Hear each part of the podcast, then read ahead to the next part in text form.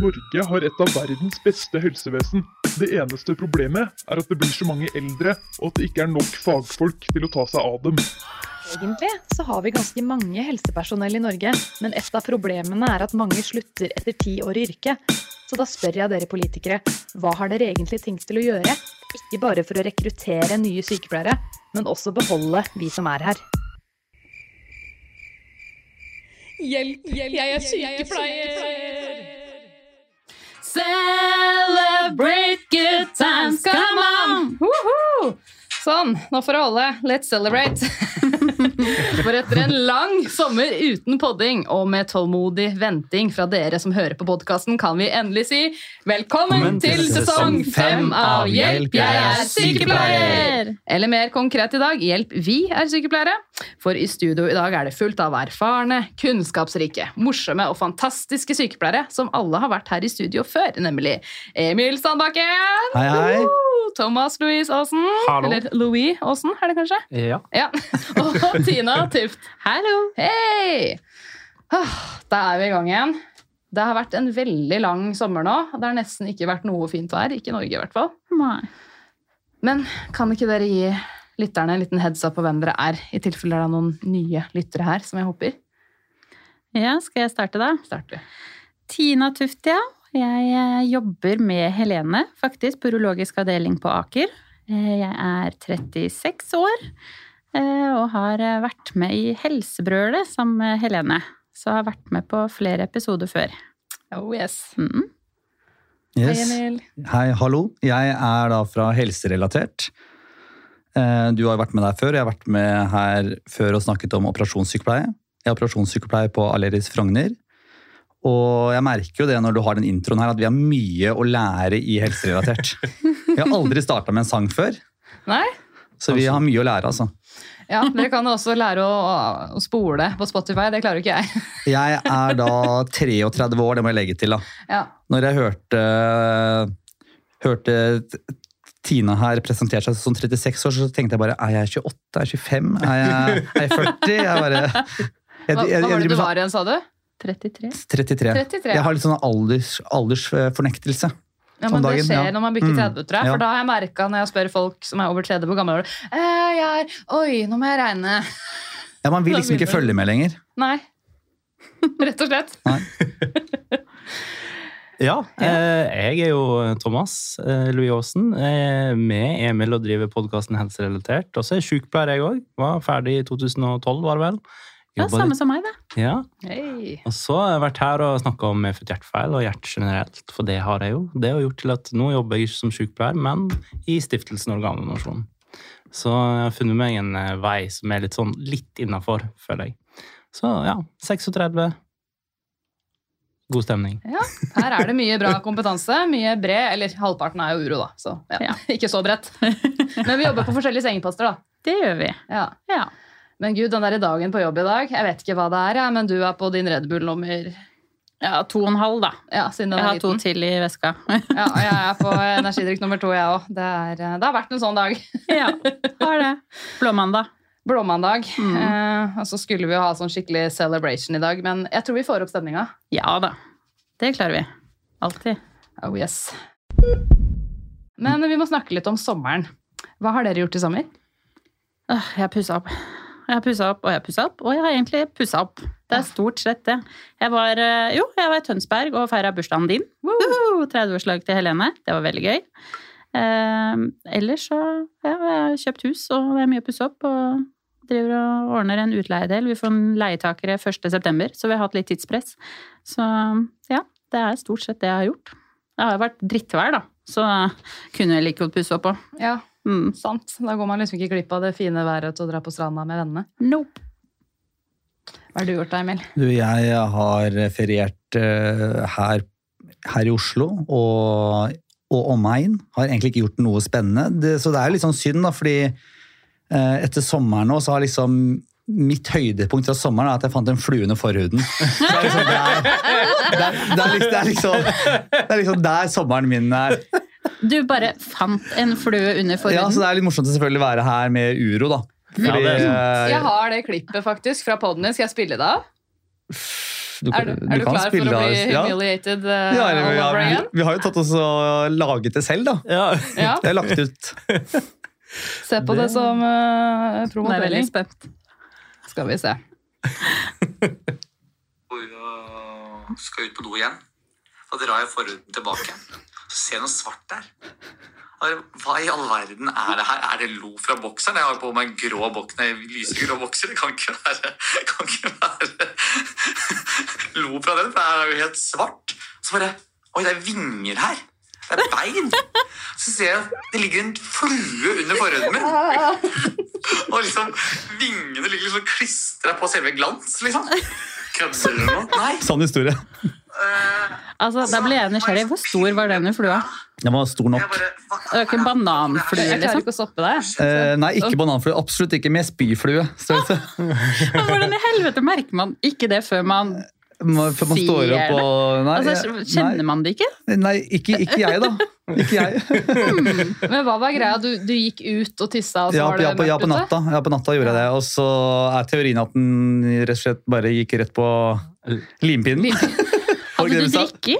Hæ? Hadde du drikke? Nei. Men har du ikke toalett? Hæ? Har du ikke toalett inne? Nei, vi var, nei, vi var, vi var ute da, på en eh, primitiv hytte midt ute i Mjøsa. Så der var det ikke noe toalett, ikke noe lys. Bare masse insekter. Ja, tydeligvis.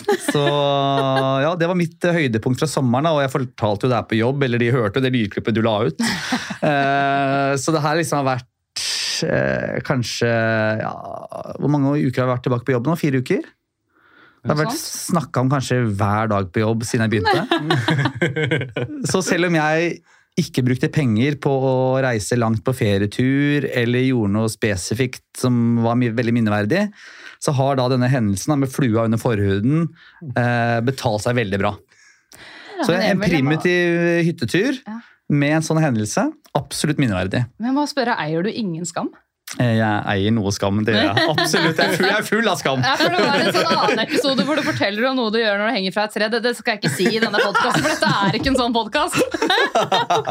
Men akkurat urologi kan vi snakke litt om, da, siden vi jobber jo med penis. Ja, hva er det dere, ja, fordi det er en del av mine kvinnelige kollegaer som mener at eh, man må ha en veldig stor forhud for at det her skal skje. En ballongknute, en skikkelig Ja, ballongknute. ja. Ja. Hva, hva er det urosøstrene her eh, ser for seg? Håper å si. Hvordan kan det her skje? Nei, altså, du må jo tenke litt mer på personlig hygiene, kanskje. Gå for en sirkumsisjon, jeg vet ikke. Før så var jeg veldig sånn Ja, omskjæring, er og Ja, omskjæring er eh, det er å plage barn, liksom. Det er barnemishandling. Men nå, etter å ha jobba noen år på Uro og sett alle disse mer sånn, de trange forhudene, da, som er veldig problematiske, så skjønner jeg mer og mer at folk velger å gå for sirkumsisjon. Faktisk, ja. Men jeg også er litt på den. Du bør ha litt større forhud, ikke sånn veldig strammen. For hvis du ikke merker at du har noe under der, mener jeg. For det tror Det jeg var ikke veldig trange forhold, liksom? Nei. Nei. da vet vi det. Hvis man har skikkelig trang forhud, så kommer kanskje ikke flua inn, da. Så det er jo kanskje positivt, men det blir jævla mye smegma da, som legger seg under Ja, der, fordi hvis man har fimose, da, ja, så er det jo Ja. mye, mye du finner under her når du opererer. Det vil jeg tro. Ja. Jeg har ikke vært med og sett på disse sirkumsisjonene. ikke Jeg skal si du finner mye rart under der også, selv om de ikke har Ja.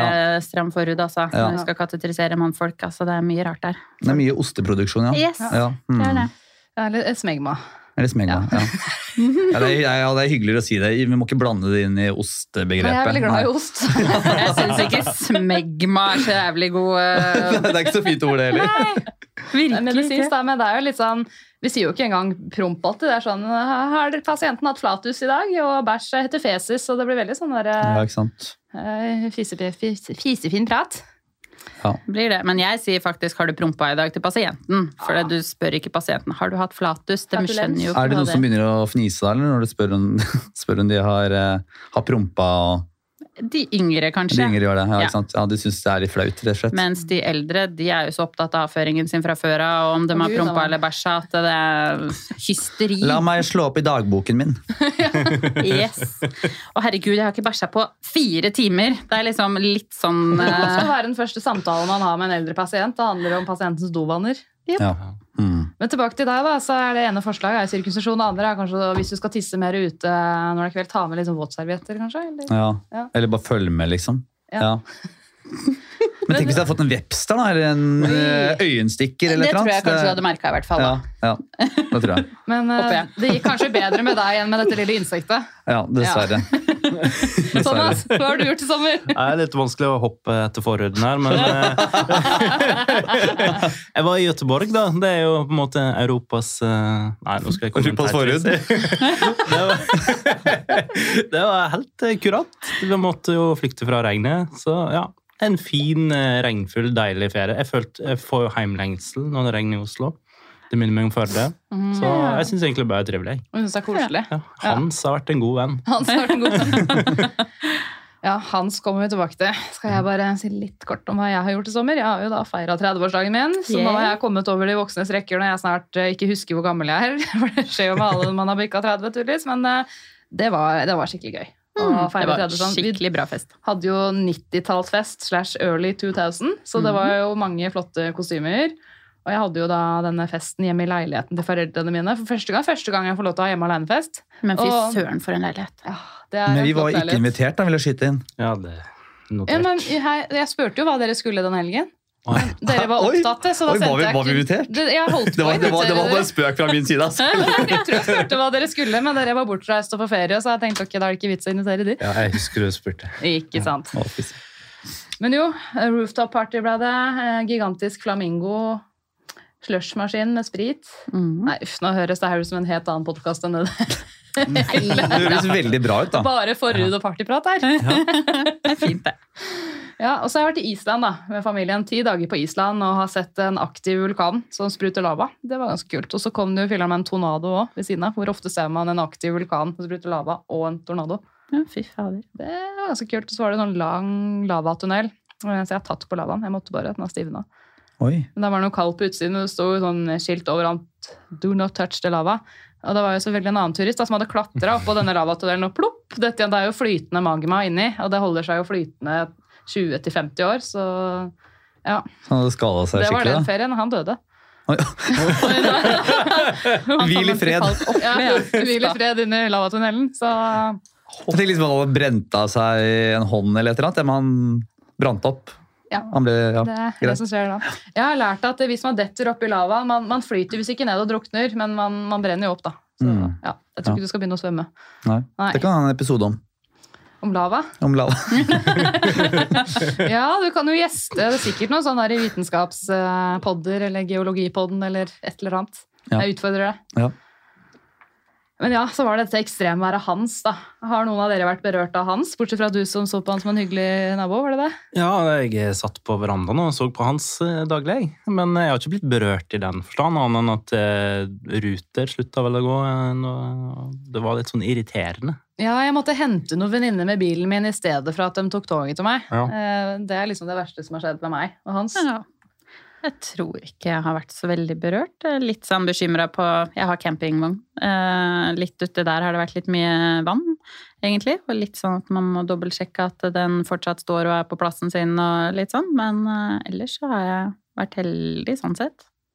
For dette ekstremværet har jo ikke kommet fra nord og vest sånn som er vanlig. Det starter fra øst av en eller annen rar grunn. Eh, kan det være klimaendringene, da? Mm. Kanskje. Jeg er veldig glad for at det ikke ble mer alvorlig enn det det ble her på Østlandet. da, fordi som sykepleier, da, alle kompiser her som er IT-konsulenter osv., de fikk beskjed om at de kunne, kunne droppe å dra på jobb. ikke sant? Mens vi sykepleiere vi måtte uansett Vi måtte til arbeidsplassen. ikke sant? Ja, vi må til båten, ikke sant? Mm. Ja. Ja, han syk mem, ja, syk, Syk memes, syk han, memes, han, han la ut en meme om det der. Det var en klovn som satt i en robåt. Helsevesenet må uansett Ja, på jobb, ja, ja. ikke sant? Mm. det er sånn det er. Og det var, det, var, det var jo ikke noe snakk om at vi kunne komme en halvtime for seint eller et eller annet. ikke sant? Du må jo på jobb uansett. Ja. Så hvis vi måtte svømme da, til Ja. Aleris eller til Ullevål, så måtte vi sikkert ha gjort det òg. Ja. Helt sikkert. Jeg husker det var en gang en lege som ikke kunne komme på jobb på Prepol fordi det var et eller annet feil med toget, og hun bodde langt unna. Og så var det hun forrige lederen også, så hun som var litt streng, og bare 'Hva? Har hun ikke kommet?' Det skal være en veldig god grunn for at ikke hun kom på jobb. Det bare, oi, oi, oi. Men hvor er det Hans har vært verst? Har det vært sånn type Hønefoss og Altså Jeg bor på Østlandet, men jeg kjenner liksom bare til Oslo. Jeg er i Oslo-bobla når jeg bor her. Drammen var hardt ramma, opp mot Nesbyen var veldig hardt ramma, Mm. syns jeg husker. Mm. Er mye sånne der campingplasser hvor Mange hytter, hytte. Mange som har hatt angst for hyttene sine. Så ja. Folk har jo, det er jo folk som bor fast på campingvogn rundt om i landet også. Jeg leste en artikkel om en som eh, Eller nyhets... Jeg husker ikke, det var i hvert fall en mann som da måtte flytte sin campingvogn og ta en på hotell, og det fikk han jo ikke dekka. Og eh, hadde jo ikke så mye penger. Muligens at han fikk støtte fra Nav eller noe sånt fra tidligere, men fikk jo ikke noe mer for å ta en på et hotell. Hvor var det det huset seila, da? Det var et hus som seila. Ja, Det ble en sånn viral jeg. video. Jeg har sett så mye rart Var på det- TV, så får jeg ikke med meg hvor ting er. Nei, Nei, ikke heller. Du ser jo trær som bare bikker over ende og ja. Det, men det som slo meg med det huset, var at alle sto og filma det. ikke sant? Det var ingen som liksom løp rundt der og hadde panikk. bare, 'Hvordan går det? Er det noen inne i huset?' Var, alle står og filmer bare. Det her kommer til å bli skikkelig bra reel, liksom. Bra TikTok. Bra TikTok. Det har blitt lagt ut av han ene mannen, han var sånn 97 år eller noe, så bare hei, jeg kommer fra TV 2. Nei, er det sant? Han ble så glad. Fortalte han at han ble vekt midt på natta, og så bare du må gå ut derfra, ha deg vekk du, dette er mitt hus. Jeg er sånn, ja, men øh, øh, flommen kommer til å renne inn i huset ditt, så vi sier at du må gå ut, vi skal redde deg. Å, ja, men da er det greit. Han bare smilte og var så fornøyd. Jeg tror ikke jeg hadde vært så glad. Nei, ikke heller. Virkelig. Du må evakuere ditt eget hus, liksom. Ja. Og tenk så mange forsikringssaker. Det er ikke alle som får igjen på forsikringen. For det er ikke alltid forsikringer dekker det som når det heter ekstremvær, fordi det blir for dyrt. Tenk da å miste hjemmet sitt, liksom det kjæreste man har. Litt sånn Gjerdrum all over again, bare med vann i stedet for leire. Så bare leser du gjennom forsikringspapirene, så står det en sånn liten stjerne. Alt ekstremvær er ekskludert fra forsikringen din. Mm. Det er kult. OS har jo faktisk sendt sånn eget team med sykepleiere som hjelper til med flomofre. Ok? Oh, ja, det visste jeg ikke. Sykepleiere kan også jobbe i ekstremværet hans. Mange, mange muligheter. Ja.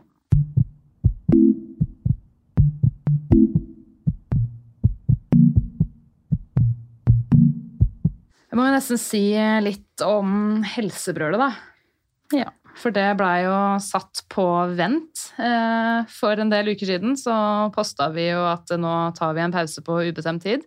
Rett og slett fordi det blei litt mye. Mm. Det ble det. Det var mye å holde i gang. Vi var jo ikke mange i utgangspunktet heller, da. Vi var jo, starta jo som syv stykker i eh, den komiteen. Mm. Og fikk jo i gang et kjempebra oppmøte oppe på Stortinget eh, på demonstrasjonsdagen. Mm. Så var det jobben ettertid hvor flere og flere falt av, og så det var jo ikke så lett å holde det i gang. Og folk var litt så som så på sosiale medier, og mye skjedde i livene våre. Og ja, fant ut at vi trengte en pause, for så å se an etter sommeren hva vi skulle gjøre videre. Mm. For da vi først starta det her, så var alle så forbanna eh, på disse kuttene i helsevesenet at alle hadde så sykt mye energi å gi. Så vi ga jo alt vi hadde for å få til denne demonstrasjonen. Eh, spesielt for meg. Det kunne plutselig gå sånn 26 timer. Jeg hadde ikke spist. Husker ikke Mm. når jeg sist var på do, husker ikke når jeg sist jeg dusja. Det er på en måte det, jeg brukte absolutt alle kreftene jeg hadde på det, i tillegg til at jeg dro på jobb. Jeg lagde pod. Jeg, jeg skjønner ikke helt åssen jeg fikk det til. Men det gikk. Det gikk til det var akkurat ferdig med demonstrasjonen. Da var Ja, du ganske ødelagt. Da klarte jeg ikke å gå mer, faktisk. Philip måtte nesten løfte meg inn i taxi. Yes. Så ja, det er jo nesten litt sånn interessant å se hvor langt kroppen kan strekke seg, men Mm. det er faen ikke bra. Virkelig ikke. Nei. Det krevde mye. Det var Ja. veldig mye, og det var jo ja, intervjuer, og vi var jo i studioer, og vi var jo på NRK, og vi var jo Ja, debatten hjelpes. Jeg, Ja. jeg, jeg har hatt mareritt i etterkant, at jeg var der igjen, og så fikk jeg helt sånn hjerneteppe og fikk ikke fram et ord, og Fredrik Solheim bare 'herregud, kom deg vekk fra kamera'. det skjedde heldigvis ikke da jeg Nei, faktisk det ble, ble veldig bra. Ja. Du gjorde det veldig bra. Jeg fikk ikke prata så mye, men jeg fikk fram noen viktige poenger, tror jeg. Absolutt. Ja. Men da vi starta Helsebrølet, så hadde vi ikke noe lengre plan enn at vi skulle ha den demonstrasjonen. Og det var det. Og så skulle vi på en måte gi fakkelen videre da, til andre som ville lage demonstrasjoner. Så skulle vi backe dem. Og vi burde egentlig bare holdt oss med det, men vi fikk jo så blod på tann at vi tenkte dette må vi fortsette videre med. For vi fikk jo veldig mange positive tilbakemeldinger. Så vi søkte jo til Brønnøysundregisteret, og vi blei en organisasjon. Og vi tenkte ikke sant, å lage hjemmeside, og vi skulle ha nettbutikk. Eller nettbutikken er jo for så vidt oppe og går hvis man vil kjøpe klær, men Underskriftskampanje skulle vi ha, med denne svære, gigantiske gruppechatten på Instagram, hvor det var masse influensere og sånt. Der datt jo den ene av en etter plutselig bare Den har forlatt chatten. Den og den og den har forlatt chatten. Jeg bare Ok. Så sa jeg til slutt bare jeg forlater også denne chatten, og så lager jeg en ny til de som faktisk gidder å gjøre noe. Mm. Så gjorde jeg det, og da var det jo mange bra Da var det jo bare sykepleiere igjen, da. Altså, man- Det var det. det viser jo litt at det er vi som Ja. gidder å gjøre noe. Alle ville jo også ha en underskriftskampanje. Ja. Det var bare veldig lite innspill å få tilbake når vi skulle lage den underskriftskampanjen. Vi ville jo ha innspill fra flere aktører, organisasjoner og steder og sånn for å få det til. Ikke bare fra oss som satt med dette her, på en måte. Det blir litt tamt hvis det sitter fem stykker der og kommer med krav til regjeringen. Eh, Så ja, da, Vi merka at det var desidert mest sykepleiere og helsefagarbeidere som kontakta oss. Mm. Eh, Men vi ville jo gjerne gjøre det bredt. altså Det skulle være for alle i helsevesenet. Skulle være for bioingeniører, fysioterapeuter. For vi fikk jo litt sånn pepper for at ikke vi nevnte alle gruppene nok. Så da Mm. prøvde vi å nå ut til alle, men når de ikke gir så mye tilbake med å komme med innspill, så blir det på en måte bare nok en sånn sykepleiergreie, da. Ja.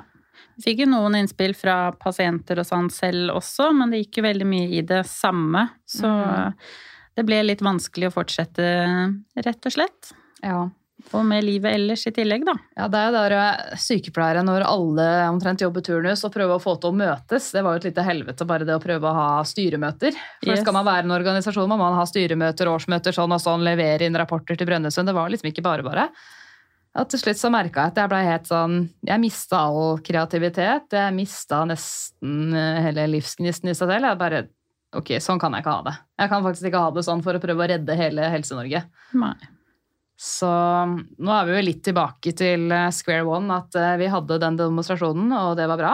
Og hvis noen vil ta fakkelen videre, så be your guest. Og hvis noen vil leie oss inn til å holde appell eller trenger tips og råd, så er det bare å kontakte oss.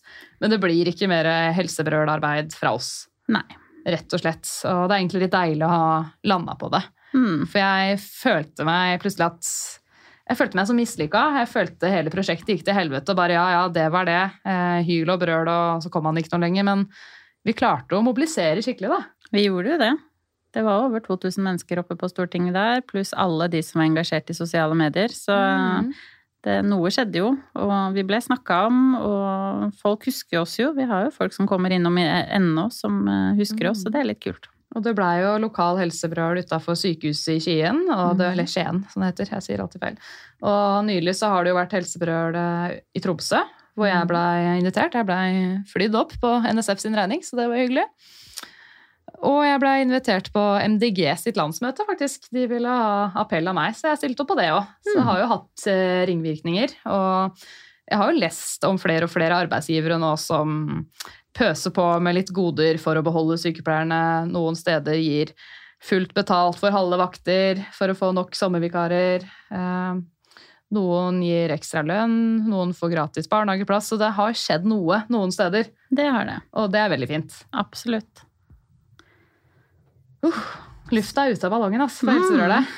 Ja, det er, det eh, det. litt kjipt, men uh, Jeg er fortsatt godt stolt over hva vi fikk til, Ja, jeg òg. faktisk. Virkelig. Jeg syns det var ganske kult og stort å være med på.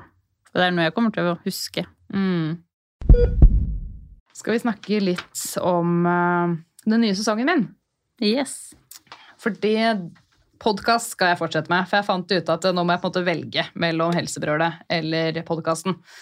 Og det var et litt lett valg. For jeg syns det er litt hyggeligere å lage podkast og fremsnakke helsevesenet og snakke med masse hyggelige folk i stedet for å bare være sinna og klage på ting. Klart det. ja. Men jeg kjenner fortsatt at jeg er sliten etter et langt år med veldig mye greier. Så nå blir det til at jeg slipper episoder annenhver tirsdag i stedet for hver tirsdag. Fordi å slippe pod fast en gang i uka, det er fader meg så mye arbeid. Det vet jo dere og gutter. Ja, men det der er noe av det vanskeligste. Det å Mm. bestemme seg for frekvens. Ja. Og der har jo vi en mye, eller vi har i hermetegn en litt enklere oppgave foran oss der, siden vi iblant lager podcaster bare med hverandre. Mens du som inviterer folk hver episode, Mm. og da planlegger, og du har føresamtale og ja, jeg gjør ganske research. Mm. så hvis man da skal jobbe fullt ved siden av, så er det, er det vanskelig å få det til. Altså. Så jeg lurte litt på, hadde det vært lettere om jeg hadde vært en duo, som eksempel hvis jeg hadde hatt med Tina, eller hadde det blitt vanskeligere, for da skal man bli enige om alt. Jeg bestemmer jo på en måte alt selv, men samtidig så er jo alt ansvaret på meg. Jeg og Thomas eh, er jo på ingen måte noe fasit. Nå nærmer vi oss eh, 100 episoder. Du er vel allerede oppe i 50, er du ikke? Jo, 50 pluss ekstra episoder. Ja, ikke sant? Eh, Men vi har jo holdt på en god stund, men vi har hatt av og på-perioder. da. Det har vært mange, mange Ja, det grunner til det. det. Men, eh, Mange brudd. Ja. men det er jo ikke bare bare å samarbeide, liksom. Det er Ja, jeg vet ikke. Ja, for jeg For prøvde man å gå ha liksom en visjon, ja. ja. Jeg har prøvd å gå gjennom min vennegjeng. Liksom. Det, det er jo ingen andre enn han jeg kunne hatt en pod med. Så man, hvis man skal ha en duo, så er man i hvert fall veldig avhengig av å ha en som er en god match. Både med kan man tenke at man vil få ut av det, men òg ja, samarbeid og at man liksom så, Men det er jo Jeg vil jo si at det er en styrke, da, for de gangene jeg er litt demotivert, så drar du meg opp, og litt omvendt, og så Mm. er det jo eh, sånn tidsmessig, så hvis vi Vi kan jo kanskje bli flinkere til at jeg tar ett intervju med én gjest, det har vi jo gjort av og til, eller du tar det, sant. Og hvis du har mulighet til det hvis du får inn en til, så kan man jo avlaste hverandre på den måten, for i episoder med gjester lager seg litt sjøl av og til. Mm. Ja, så gjør vi sånn at vi forbereder oss ikke begge to til alle episoder. Nei, det gjør vi heller ikke. Ah. Det også hjelper veldig. Men blir det ikke litt sånn at da sitter den andre som en sånn ikke-dokke, eller hiver man seg bare på litt sånn spontant? Jeg, tenk, jeg si? tenker av og til at det er litt omvendt, fordi at den spontane tanken og reaksjonen du har til et tema du ikke har gjort noe research på, ofte kan være ganske bra. Mm. For da er det Mm. litt sånn rett fra levra hvis det, du har planlagt noe og jeg bare plumper ut med et eller annet. Så er det ofte bedre enn hvis jeg skulle satt og tenkt ut ok, nå må jeg si noe veldig smart på akkurat det punktet. Så, men ja, det er selvsagt fordel og ulempe med be- begge deler. Mm. Du spurte jo meg når du skulle starte podkast, om jeg ville være med og styre den sammen med deg. Ja. Men eh, jeg visste det at det har jeg ikke tid eh, eller energi, mest energi eh, og ork til, faktisk. Så jeg sa nei. Angrer litt innimellom, for jeg syns jo det er veldig hyggelig når jeg først er her. Men eh, jeg har ikke like mye energi som deg, Helene. Rett og slett. Jeg begynner å bli gammel. Nei. Nei. Da. Men eh, nei, det, det er jo fryktelig gøy med podkast, men eh, jeg tror nok det blir litt for mye for meg. Ja. Dessverre. Men det er nok lurt at minst eh, ja, eller i hvert fall 50% av de som holder på med podkast, må nok ha en diagnose av et eller annet slag. De må liksom være litt sånn hyper eller eh, ja, jeg vet ikke. Eller føle at man liksom har behov for å prate og vise det til alle andre eller gi det ut, liksom. Ja. Det er litt for spesielt interesserte med Ja. podkast. Men eh, jeg vurderer faktisk å be om en second opinion på sånn ADHD-utredning. Fordi det der ja, men helt ærlig, Det er ikke lett å være meg. Nei, nei, nei. Det kan jeg bare si. Det er eh, jeg vet For mange så virker det som det er den energibomba, men så er det andre ganger jeg bare ligger på sofaen og hviler eller sover hele dagen, og så står jeg bare opp for å gå på jobb, og så er det tilbake og ligge for å liksom Vet ikke, det går veldig sånn opp og ned. Vet ikke helt hva jeg skal gjøre med det. Eh, Et av svarene er jo sikkert å få seg en dagtidjobb, men eh, da blir jeg fattig. Det har jeg ikke lyst til. Mm. Fordi eh, nå om dagen så driver jeg og ser på hus. Ja. Mm, det er også en av, delene, en av grunnene til at jeg nå tenker at jeg skal trappe ned litt på podding. Fordi det kan hende at jeg da, eller jeg må flytte ut av Oslo hvis jeg skal få råd til hus. Ellers så blir det rønne. Det har jeg ikke lyst på. Nei, det er eh, relativt eh, stive priser nå. Men eh, jeg tenker at hvis du flytter i hus, så kan du kanskje ha studio i huset ditt. da. Ja, jeg har tenkt litt på det. Da blir det mer lavterskel. Mm, jeg vet ikke om lyden blir like bra, men hvis jeg kjøper et hus med flere rom, så kan jeg ta et av de minste rommene og sette opp sånn gardiner-ish eller teppe på veggene, så det blir bedre lyd. Men dere får jo til ganske bra lyd. ja Du spiller jo hjemme hos deg, gjør du ikke? Vi Ja. får jo egentlig det. det Ja, men jeg ser jo her på studio på Moderne Media her at vi kan jo prøve oss med noe sånn, sånn der her, da. Det spørs om samboeren har lyst på så masse gardiner inne på gjesterommet, men eh, Å ja, for det er et gjesterom, ja, egentlig. det, er jo- det er jo egentlig det. Ja. Men vi får se. Ja, det går an å få til god lyd hjemme òg, og det, jeg tenker at det er en god del podkaster som ikke nødvendigvis har så veldig god lyd, men som gjør det bra. Det er også noen som får til fjerninnspilling. Det er veldig av og på hvor god kvalitet det er, men det er noen som får det til. At de da intervjuer eh, folk over internett, rett og slett, og også samarbeider med andre over internett. Eh, Men det som sagt, det er veldig eh, varierende kvalitet på lyden. da. Ja, og jeg hører mange si at hvis det er dårlig lyd på en podkast, så gidder jeg ikke å Nei, høre på. nei, da slår det ofte av. Ja, jeg hører også folk si, eller ikke folk, noen sier hvis det er plagsomme stemmer eller teite dialekter, så gidder jeg ikke å høre på. Nei, nei. nei men vi nei, men, vi, vi, men, eh, men nå er Førde-dialekt visstnok innafor, da. Ja, og utvatna 13 vi- 13 år i Oslo. Men vi hadde en sånn walk and talk-episode i hermetegn. Ja, hvor, eh, hvor Thomas hadde en sånn eh, bærbar innspillingsdevice, og da, da Du kan jo, vi som lager podkast, vi kan jo gå inn og se ikke sant, hvor lenge har folk hørt episoden. Ikke sant? Åh, det har jeg aldri sjekka. Det er veldig gøy. Ja, for, du, for du kan ikke bare se liksom hvor mange som hører episoden, du kan også se liksom Det hvor lenge hører det. Jeg slår av. Ja, ikke sant? Du ser start-stopp. Aha, hvor ble det Og kjedelig? det er liksom sånn Hvor, der, eh, Etter ti sekunder, når 99% har slått av på den, da vet du liksom ok, da er det lyden. Oi da. Når den grafen er i preikestolen, da er det liksom det er ganske dårlig. Så da kan man også se da, ok, å nei, ja, da begynte han med sånn og sånn dialekt å snakke, eller her var det dårlig innspillingsutstyr, eller her kommer det en reklame, ikke sant? Ja. Det kan være mye som Ja, eh, Jeg tenker at det er kanskje jeg- ikke er helt bra for enkelte å sjekke. Da blir du fryktelig selvkritisk. ja. Ja. Tror jeg. Faktisk. Ja. Tror jeg jeg ville blitt. Jeg tror Ja. jeg kanskje Men hvis lyden ikke faktisk er ræv, eh, og man mister lyttere pga. det, så er det jo note to self. da, at. Det er greit å fikse. Absolutt. Det er en av grunnene til at hvis jeg flytter ut av Oslo Jeg vet ikke om jeg vil gjøre all innspilling hjemme, nettopp pga. dette med lyden, og så må det Mm. fikses og fjerne-innspilling. Jeg er ikke veldig teknisk anlagt, bortsett fra medisinteknisk. Og her er det så enkelt. Her i eh, moderne media. Jeg bare kommer inn, det er bra lyd, jeg setter meg, trykker på en knapp, jeg er ferdig, trykker på en knapp til. Og så får jeg det på en måte bare sendt, og så hører jeg gjennom og sender en klippebeskrivelse. ikke sant?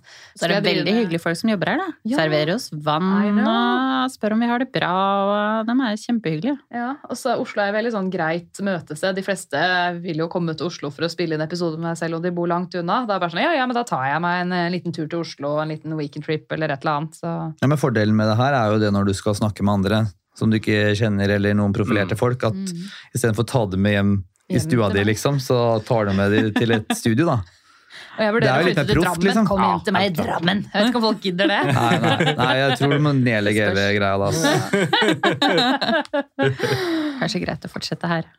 Ja, jeg har veldig lyst til å fortsette her. Derfor vil jeg ikke flytte altfor langt unna, men jeg tenker jo sånn Drammen-området, eh, i verste fall uti Hva er det heter der du bor? I verste fall. Jeg bor på Rælingen. Ikke sant, Rælingen, Ja, sånn strøm, Bortover den vei. Ja, andre siden av Viken, da. Ja. Altså gamle Akershus. Det går jo an å, å kjøpe hus der òg, men Drammen Det er går liksom an. an. I verste fall. Takk for det. Jeg skulle aldri flytte ut av Oslo, jeg heller, da. Men Nei. så hva gjør man ikke for kjærligheten, da? Ja, det er det, ikke sant. Men eh, det er veldig gøy da, å drive og se på hus, drømme seg litt bort. Men du skal fortsette på Aker, eller? Uansett? Eller skal du begynne på sykehuset i Drammen eller Rælingen? Nei, det er ikke noe i Rælingen, er det? Sykehuset i Rælingen. Det er ikke noe sykehus i Rælingen. jeg reiser jo fra Rælingen Ja. til Aker, da. Nei, det er det, da. Lokalsykehuset på Rælingen, ja. Altså, Det er vel under to år til så er det nye sykehuset i Drammen ferdig. Og det er urologisk avdeling der òg, men jeg er jo så lei av tredelt turnus at jeg vurderer seriøst å gå tilbake til hjemmesykepleien.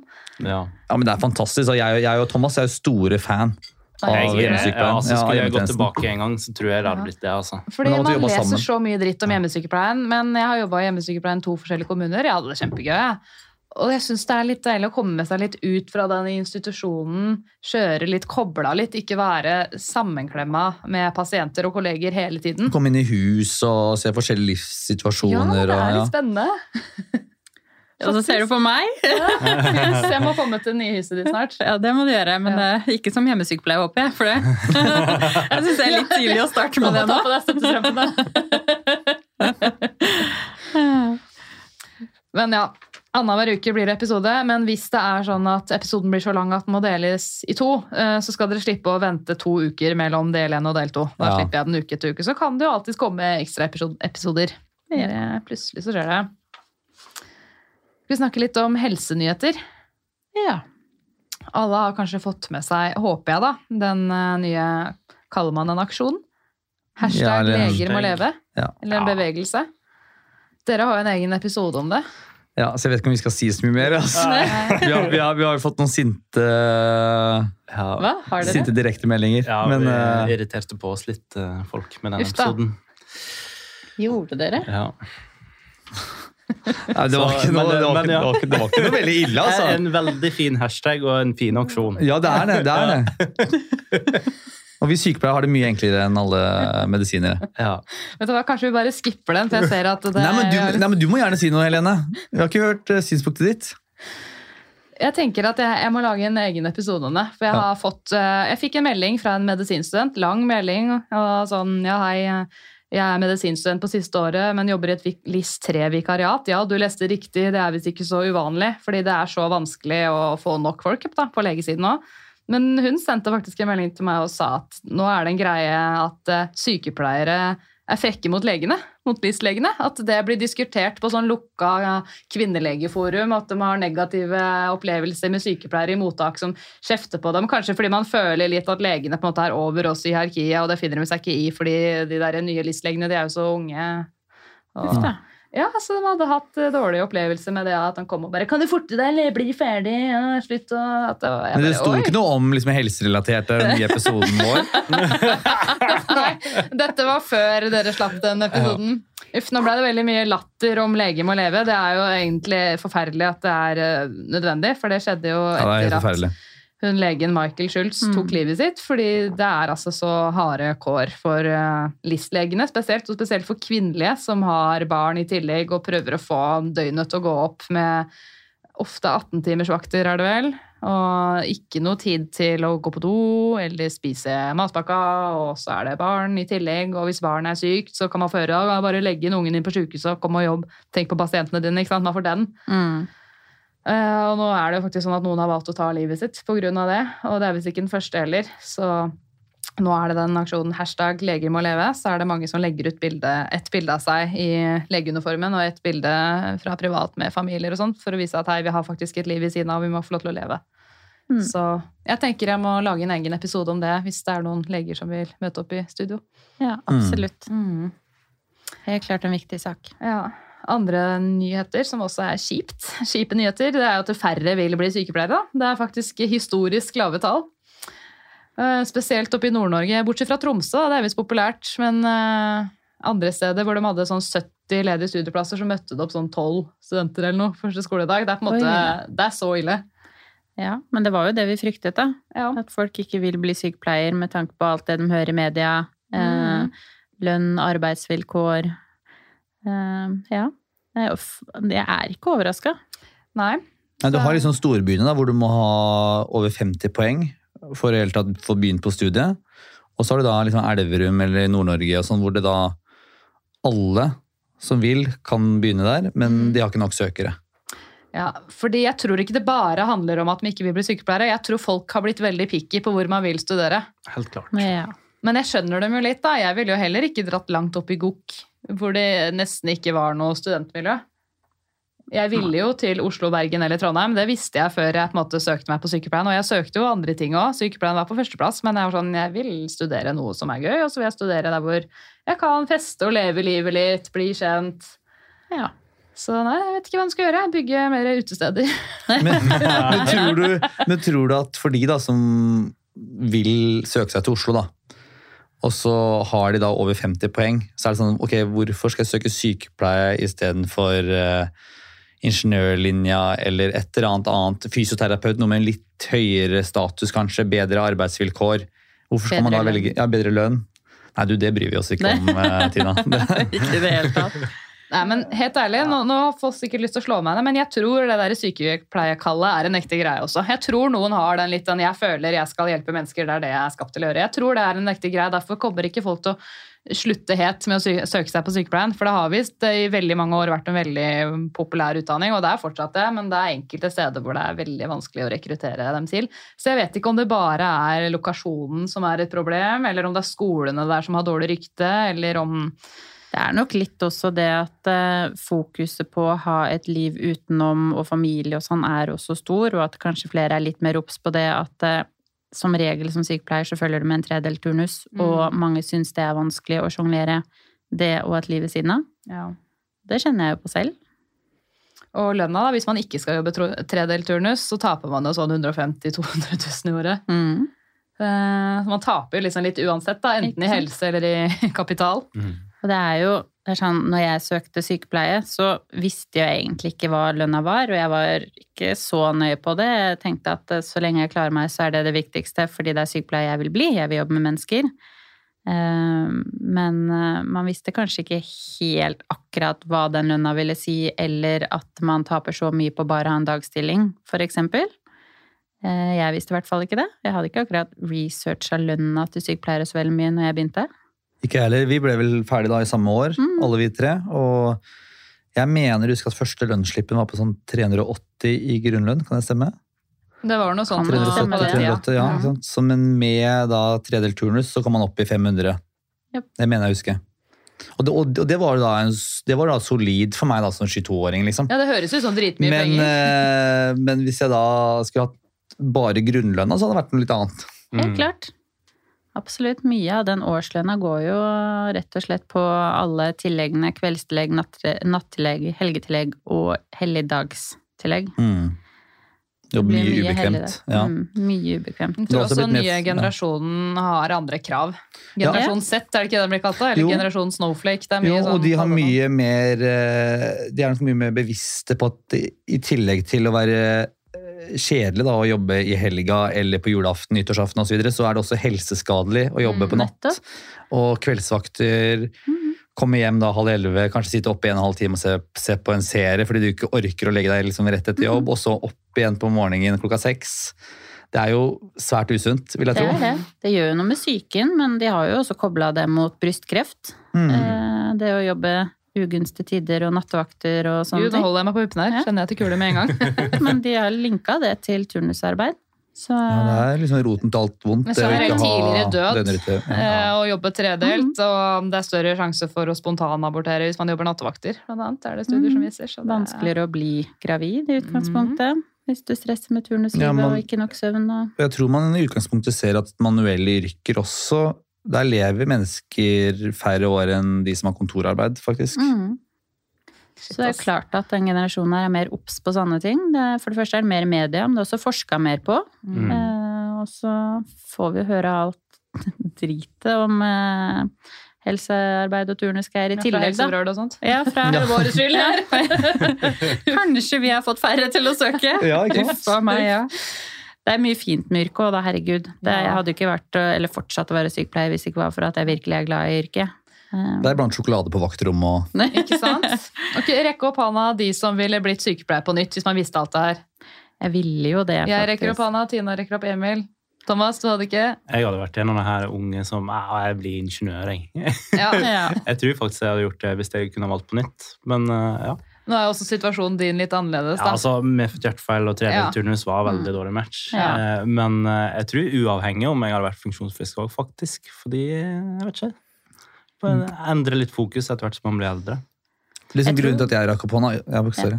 det var at eh, jeg føler at sykepleieren liksom har forma meg. da. Jeg tror Hvis jeg hadde endt opp som ingeniør, så tror jeg liksom jeg hadde blitt en annen fyr. Det er Det et jeg. veldig godt poeng. Helt klart. Det er veldig sant. Og det er litt, jeg tror også grunnen til at jeg litt rekker opp hånden også, er for at jeg vet helt hva jeg skulle gjort hvis jeg ikke var sykepleier. Jeg har liksom ikke Er det noe annet jeg ville drevet med? Jeg vet ikke. Uh, ikke så, for jeg har ikke tenkt i de Identiteten blir knytta til yrket. Ja. på en måte. Sånn, Hvem er jeg hvis jeg ikke er sykepleier? Men det var også sånn, før jeg søkte sykepleier, så visste jeg at jeg ville jobbe med mennesker. Men jeg visste ikke hva. Men det var mennesker jeg ville jobbe med. Mm. Det var venninna mi som faktisk foreslo at jeg skulle søke sykepleien. Da hadde jeg ikke tenkt på det engang. Ehm, og første dagen hvor jeg da først var på skolen, så var det sånn ja, nå er jeg på riktig sted. Det er dette jeg vil. Uten tvil. Mm. Så var det litt den der følelsen når jeg satt der at det, jo jo, nå, nå er jeg på riktig sted. Mm. Så hva skulle jeg gjort ellers? Andre ting til at det er færre som begynner der. Det her, blir jo ve det her er veldig sånn omdiskutert, da, men det er jo karakterkravene. Det har jo blitt strengere å komme inn. Det, hva er det krav? Treer i matte og treer i norsk. Men er det så høye krav egentlig? Nei, jeg syns jo ikke det. For NSF har vel vist noen sånne rapporter at det har vært flere som gjennomfører da, når de har satt opp kravene. Så da er det jo bra, for det er jo ikke vits at det dritmange begynner på studiet hvis alle driver og hopper av og detter av underveis. Da er det jo bedre at ok, kanskje det er litt færre som begynner, men at flere gjennomfører. Litt sånn der kvalitet for kvantitet, hvis det, hvis det er lov å si. Ja, og så tenker jeg sånn da Altså, jeg har aldri vært en superstudent. Jeg har aldri hatt de beste karakterene. Jeg er sånn midt på. Eh, trenger folk å ha så himla gode karakterer når det er stort sett det som skjer i praksis som teller? Selvfølgelig, du skal jo kunne lære å ta til deg ny informasjon og lese deg opp på ting og sånne ting, men du må jo være en person med et godt indre og varme og brenne for det du gjør og like å ta deg av mennesker og sånn, uavhengig av hva du har i karakter. Men de har jo sett da, at det er de med lave karakterer som detter av studiet. Så det er visst en sammenheng. fordi Før så var jeg veldig på det. Herregud, det har ikke så mye å si, og det er praktisk yrke. Men jo lenger jeg jobba som sykepleier og ser alle detaljene og at man skal sånn, dæve, man skal være smart altså, for å bli sykepleier. Altså, og det her kommer fra en som er toer i matte. Men sånn, jeg tenker sånn, burde jeg da ikke blitt sykepleier? Nå som de kravene har kommet, bør jeg miste autorisasjonen min? Er jeg egentlig for dum til å være sykepleier? Nei, det er ikke ikke. tilbakevirkende effekt, tror jeg. Nei, men herregud, du eh, er jo en fantastisk sykepleier. Jeg ser det jo, selv om du innimellom tviler på deg sjæl, som jeg sier at du ikke skal gjøre. For Nei, du er virkelig jeg flink. Ja. Det er jo helt uh, russisk rulett hvor mange gram antibiotika pasientene får, ellers så går det veldig bra. Vet dere hva? Jeg har aldri gjort en medisinregningsfeil, ikke som jeg vet det i hvert fall. Men jeg er veldig... Og veldig er den eneste som har blitt oppdaga. Jeg har gitt feil medisiner til pasient én gang, og da sa jeg det til alle på jobb. Herregud, jeg har noe å innrømme, ikke sant? Og jeg skrev avvik på meg selv. Altså da er jeg, veldig, jeg er veldig bevisst på at Og jeg pasienten overlevde. Kan, pasienten overlevde, ble veldig glad av de medisinene, faktisk. og litt antidepressiv og litt sånne ting. Ja. Men eh, ja, hvis man har en svakhet da, og er dårlig i matte, sånn som meg, så lenge man er veldig obs på det og dobbeltsjekker ting man gjør, så, så kan det gå bra. Det har i hvert fall Ja, kan ja. det gå bra. Jeg er ikke noe god i matte, jeg heller, altså. Så virkelig. Nei, men jeg støtter faktisk det kravet, selv om jeg har en dårlig karakter. Men uh, det er litt forskjellige grunner av og til til at man får dårlige karakterer. Det kan være ting på skolen, det er sykt mange fag man skal ha på én gang. og sånn, Jeg får jerneteppe av å sitte i et klasserom når man skal gjøre matte. Jeg klarer ingenting, mens når jeg sitter alene, så får jeg det til. ikke sant? Så Misforstå meg rett, jeg er helt enig i at det skal være karakter. Ja. bare, den behøver ikke være sånn skyhøy. Uh, Jeg, jeg tenker ikke at det trenger lege... eh, Legesnitt. Karakterer, legesnitt for å komme inn, eh, men eh, dem, karakter er jeg helt enig i at de må ha en sånn midt på for å komme inn. ja. Mm. Men generelt, syns dere folk tåler motstand dårligere nå? Den yngre generasjonen? Har ikke så mye med det å gjøre, egentlig. merker jeg. Motstand eller jeg, kritikk? Ja, begge deler. Sånn å, å bli snakka til, eller når livet Folk er blitt imot. så hårsår, men det er Ja. ikke altså, Det her har ikke noe med sykepleierstudenter å gjøre, men jeg syns bare sånn folk generelt ikke Og det er noe å tenke på hvis man skal søke i sykepleien, at man må tåle å bli snakka til, for tro meg, det, det gjør man på Mhm. sykehus og sykehjem, og man Mm. blir skikkelig snakka til. Og, øh, altså, det er jo ikke alltid det er greit å bli snakka til på en ugrei måte, men Du må svelge noen kameler innimellom, for å si det, sånn. det må man tåle. Og man jobber jo med helsa til folk, men folk man jobber med er også stressa. Da kan man slenge noen gloser og være Mm. litt sånn eh, krass noen ganger.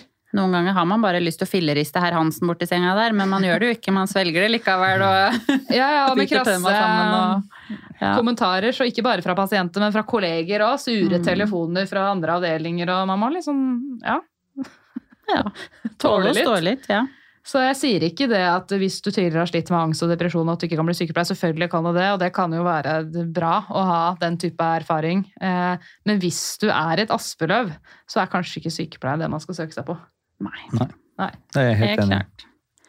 Også mye fordi at du har jo med menneskeliv å gjøre, og feil kan skje. Mm. Eh, Du skal tåle å leve med det etterpå, eller tåle å leve med at du ikke får gjort alt for en pasient, selv om du egentlig vil. Tåle å se folk bli syke og dø som virkelig ikke skal dø, som dør før tiden sin og sånn. Så det, det er jo mye tøffe situasjoner. Det er det. Mm. Men noe som overraska meg, det er faktisk hvor mye stygt folk kan si når de er syke og redde og stressa. Ja. Men jeg, jeg syns det er rart jeg ikke har fått høre mer at jeg skal dra til helvete. Jeg tror jeg bare har hørt det et par ganger, men eh, Fra pasienter, altså, som er stressa. Men Nei, men når jeg hører ting som skjer er i andre avdelinger, så blir jeg litt sånn Oi, er jeg heldig som ikke får høre så mye stygge ting som man gjør f.eks. i psykiatrien? Jeg vet ikke. Har dere fått høre mye stygt? Eh, ja, jeg har jo fått høre litt, men eh, jeg har sikkert sagt litt stygt òg. Men jeg tenker at hvis jeg hadde vært på urologien, så hadde jeg kanskje ikke sagt så masse, for da Du er veldig han- takknemlig for at handler- folk fikser opp i tissen din. Ja, så jeg hadde ikke yppa meg når jeg som fikser tissen min. Nei, ikke sant? Nei, det er, litt, det er litt enig. Du er liksom Ja. på et sårt sted i livet da. Men deg som fikser Ja. hjertet, de kan man yppe med, tenker jeg. så, ja. Ja, nei, jeg er litt enig i det. Jeg tror det kommer veldig an på hvilken avdeling du er på og sånn, og hvor takknemlige de er for hjelpen de får, og hvilken Mm. livssituasjon de er i akkurat der og da, eller krise. Ja. Mm. Så som du sier, du ypper ikke med dem som står med tissen inn i hånda. Nei. We choose to catheter size. Så.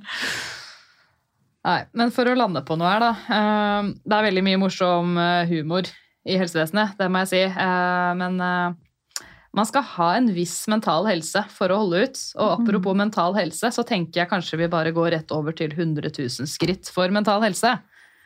Hva er det for en aksjon? Ja, hva er det for en aksjon? Det er jo en, eh, det er andre gang vi gjør det. Vi Ja. gjorde det for eh, to år siden. Da satt jeg og Det, det starta vel med at jeg så på YouTube en fyr som gikk 100 000 skritt.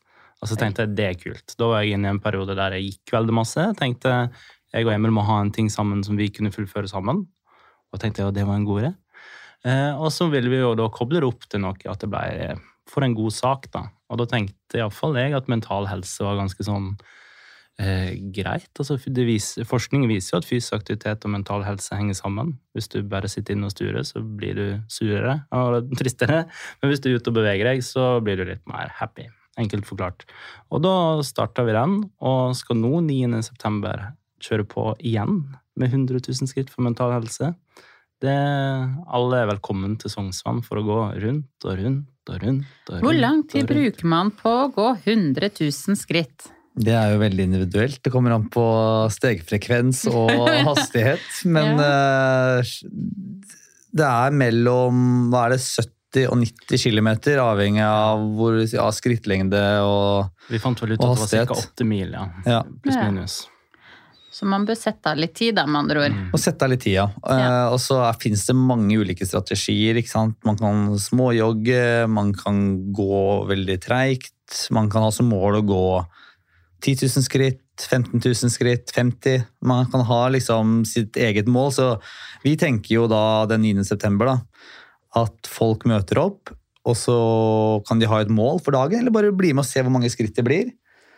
Eh, vi selv har jo kanskje ikke sagt det helt klart, men vi har som mål å ta 100 000 til sammen, jeg og Thomas. da. Ja, for det var det jeg lurte på. Skal det- man gå 100 000 hver, eller skal skal vi gå 100 000 til det ble sammen? seigt i fjor. Det Ja. ble Eh, Gikk dere 100 000 hver i fjor? Du kan jo gi en rask recap, Ja, Thomas. altså I fjor, så gikk, eller i forfjor, eller når det var, så gikk vi Da var tanken at begge skulle gå 100 000 skritt. Og så hadde vi med helsebrorsan, da. Ja. Vemund. Vi begynte samtidig med han. Ja, Da gikk vi fra meg, og så gikk vi da til Sognsvann, og så gikk vi rundt og rundt og rundt. Og rundt, og så når vi liksom kom på sjuende, åttende, niende runden, så begynte det å bli tungt og seigt. Eh, Det var oppe i maratondistanse. ja, da hadde vi gått ca. 4,5 mil. Ja. Og da begynte det å bli tungt.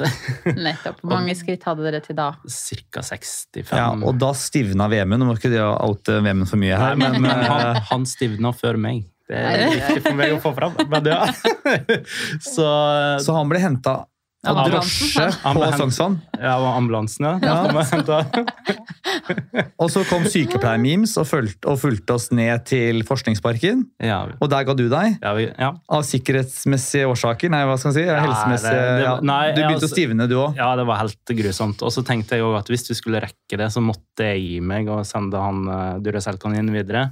Og Så dette skal gi bedre mental helse? Ja, altså, ja, det- Knekt for livet. Det er kanskje derfor vi har tenkt i år da, at jeg tenker halvt hjerte. Jeg kan iallfall ta halve målet i år. Ja. Og så finner vi ut at det, det er en hyggelig ting å gjøre sammen, og at vi går 100 000 til sammen. Og så skal vi òg i år ha en liste eh, på Sognsvann der alle kan skrive hvor mange skritt de har gått. Så kanskje vi runder en million skritt til sammen. Ja, fordi for vi tenkte jo liksom sånn som i fjor, så ble det sånn der, da ble det sånn soloshow til slutt for min del. Ja. Og det er ikke det som er meningen med det eventet. Hvis noen har lyst til å møte opp på Sognsvann og løpe 100 000 skritt, så vær så god, liksom. Men vi kommer til å gjøre vår greie. ja. Og så kan folk møte opp og gjøre sin egen greie, eller være med oss. Og så eh, Ja, det er tanken. Fordi vi hadde jo besøk av en som heter Vegard da, i podkasten vår, og han, han arresterte jo spesielt min kollega her eh, på det her med at man på død og liv skulle gjøre 100 000 skritt. fordi liksom, nettopp som du sier da, man gjør det her for mental helse. ikke sant? Sånn som Thomas gjorde jo en stor bragd. Han hadde aldri beveget seg så langt før på en dag, men allikevel så følte han jo på et slags sånn nederlag. da, Mm. For han ikke klarte 100 000, ikke sant? og det blir jo også helt feil. Ja. Kanskje vi heller bare får tenke vi skal gå 100 000 skritt til sammen, da, så det er liksom oppnåelig, og blir det mer, så er det bare Ja, Sikter man på 50, da, ikke sant? så er det superbra. og Så, men selvfølgelig, hvis noen vil ta 100, så er det vær så god. liksom. Da må du bare, men man bør nok starte rimelig effektivt da, tror jeg. Så ikke så blir det så mange timer. Ja. Fordi vi gikk veldig seint, og det tror jeg knakk oss, rett og slett. Og vi tok altfor mange pauser. Det Ja. man heller ikke. For jeg endte opp med å, med å liksom løpe en halvmaraton etterpå for å ta igjen skritta, ikke sant. Mm. Og allikevel så holdt jeg på i 17 timer eller noe sånt, tror jeg. Ja, du gjorde det. Totalt. Herregud. Kunne like godt bare gått Besseggen. Ja, Besseggen er jo to mil, så det er jo Å ja, det er ikke lenger. Men eh, så ja, det ble, det ble seigt for oss alle. Ja. Var det mange som møtte opp i fjor? Det var litt u... Jeg vet ikke hvor mange det var totalt, men vi hadde, det var litt morsomt. Vi hadde med noen sykepleierstudenter Ja. eh, som var med oss, eh, som vi aldri hadde møtt før. Mm. Og så var det det var han helsebrorsan. Ja Sykepleiermemes. Det var jo forskjellige Hvem er folk. sykepleiermemes? Han, Det er eh, hemmelig. det er hemmelig. Mulig han møter opp nå, da. Vi kan kanskje erte med det. Ja, med maske, da, eller? Kanskje det. Er det noe event på Facebook på det her, som man kan dele videre og spre? Nei, Men det var en god idé. det var en god idé. Det var Ja, gøy. det, var, det, var, vi er ikke så gode på sosiale medier. Nei, vi er ikke det. Nei, Men event vi, er vi veldig snakker, fint å vi, vi snakker om at vi skal jobbe med sosiale medier. Vi skal på sikt begynne med det. Ja, vi skal Ja. Men dere har ikke sagt hvilket klokkeslett det er. Nei, 9. september klokka ni. Så 9. i 9. klokka 9. Yes. 9. september klokka 9. Vi måtte gjøre det litt enkelt for oss. Klokka 09.00, da. Er 9 på morgenen. På morgenen. Ja. Du holdt jo på å møte opp den måneden her. Ja, herregud, jeg hadde skrevet inn 9. feil dato. Ja. klokka ni. Og da regna det som jeg bare Nei, det kan ikke bli noe av. Jeg er på 60 000 skritt. Hvor er dere? Men ja, med andre ord, jeg, jeg kommer, da. Nå Ja. har jeg lagt inn riktig Så hyggelig. dato. Det blir bra. Mhm. Men blir det noe sånn kronerulling? Jeg har sett at dere har det på Ja. Instagram, at dere samler inn penger til mental Ja, men Det er bare for de som vil. Det er ikke det som er Ja, hoved... for- fordi Ja. eh, der, I fjor så samla vi 9500 til Mental Helse. Det var ganske Ja. eh, Men hadde ikke det vært lurt, da? Sette opp noe sånn skilt med noe QR-kode hvor man kan vippse til Mental Helse, eller om Jo. dere har en sånn egen Det er tydeligvis folk som har peiling på arrangementer der med helsebrøl og sånn. ikke sant? Så Ja. Ja, men vi Men kan hvis det kommer mange, det. så er det jo lurt å ha noe sånn kronerulling er på smart, altså. der og da. Kanskje sette opp noe større skilt. Det er jo alltid masse folk på Sognsvann, så kan Ja. de engasjere seg, ikke sant? Ja, Ja, det er smart, altså. kanskje vi skulle prøvd å få til noe sånt. Ja. Burde det. Det er ikke og så lenge event og kan legge en link til eh, der man kan vippse til og Mm. Ja. Hvis dere lager event, så skal jeg linke til det i denne episodebeskrivelsen. Ja, da fikser vi event. Mm. Så blir det bra. Så håper vi at så mange som mulig gidder å komme og ta turen. Om man vil gå en tur eller ti runder rundt. Det, det er en Ja, fin det tur uansett. Hvor mange håper dere på kommer? Mm, jeg vet ikke. 20? 30? Vi er fornøyd uansett, er vi ikke? Ja, så lenge det er meg og deg, så Og du, da, Jeg Så går det bra. Ja, det, det, det var jo veldig morsomt sist. Det var at vi snakka jo i ett sett hele veien, og det bare går rundt og skravler, liksom. Da går tida så fort. Så bare dobbeltsjekke at jeg faktisk har fri. Det har vært veldig morsomt å fått gjort noe opptak og filma litt også. Det, det Ja. gjorde vi sist, men ikke tilstrekkelig. Det har vært morsomt å ha hatt med seg en opptaker Ja. Det skal vi ha med. Faktisk fått filma litt. Og dette er på en lørdag, det her. Ja, Mm. det er det. Så når denne episoden her slippes, da kan jeg si til lørdag, folkens. Til lørdag skjer det. Da, Ja, 9. det er klokka 9 på Sognsvann. 100 000 skritt for Metall Helse. Yes. Ja, Er det noe mer dere vil avslutte med før vi legger på røret? Nei, kan jeg sjekke ut eh, helserelatert også, da, for de som hører på? Det kan man. Så kan dere høre episoden om lege må leve. Ja. Ja, Absolutt. Del én og del to. Del én og del to. Ja, vi har en sånn opprydningsepisode etterpå. ja, så- ja, vi måtte, Eller den episoden hvor det tydeligvis henger opp ned et tre, eller noe sånt. Var det ikke det? Greier, ja. Er det på den der fem tips til sykepleierstudenter? Ja, kanskje. Også forhudsepisoden er bra. Men vi har jo mange, vi har, vi har 100 episoder nesten nå. Ja, Så det er mye, mye man kan ta tak i der. Ass. Og jeg er med i to av de. det er du. Det er det. Og Sjekk hvis dere finner noe vi kan kanselleres for, så bare scroll videre. Det er ikke Ingen skal bli cancela her. Det er en kultur jeg ikke liker. Den der cancel-kulturen. helt enig. Ja. Da avslutter vi med det. Yes. Takk for at du hørte på Hjelp, jeg er sykepleier. Hvis du likte episoden, blir jeg veldig glad hvis du vil dele den videre på relevante plattformer.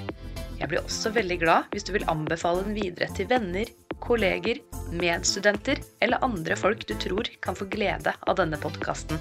Hvis du vil få varsling neste gang det slippes en ny episode av Hjelp, jeg er sykepleier, så er det bare å trykke på abonner-knappen her hvor du hører på podkast.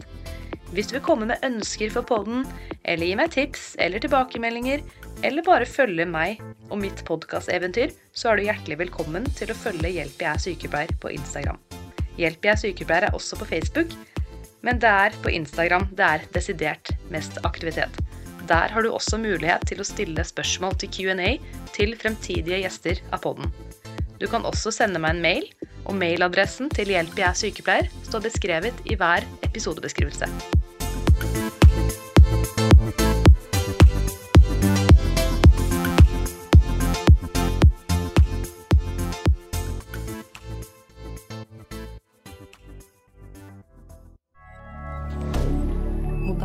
Media.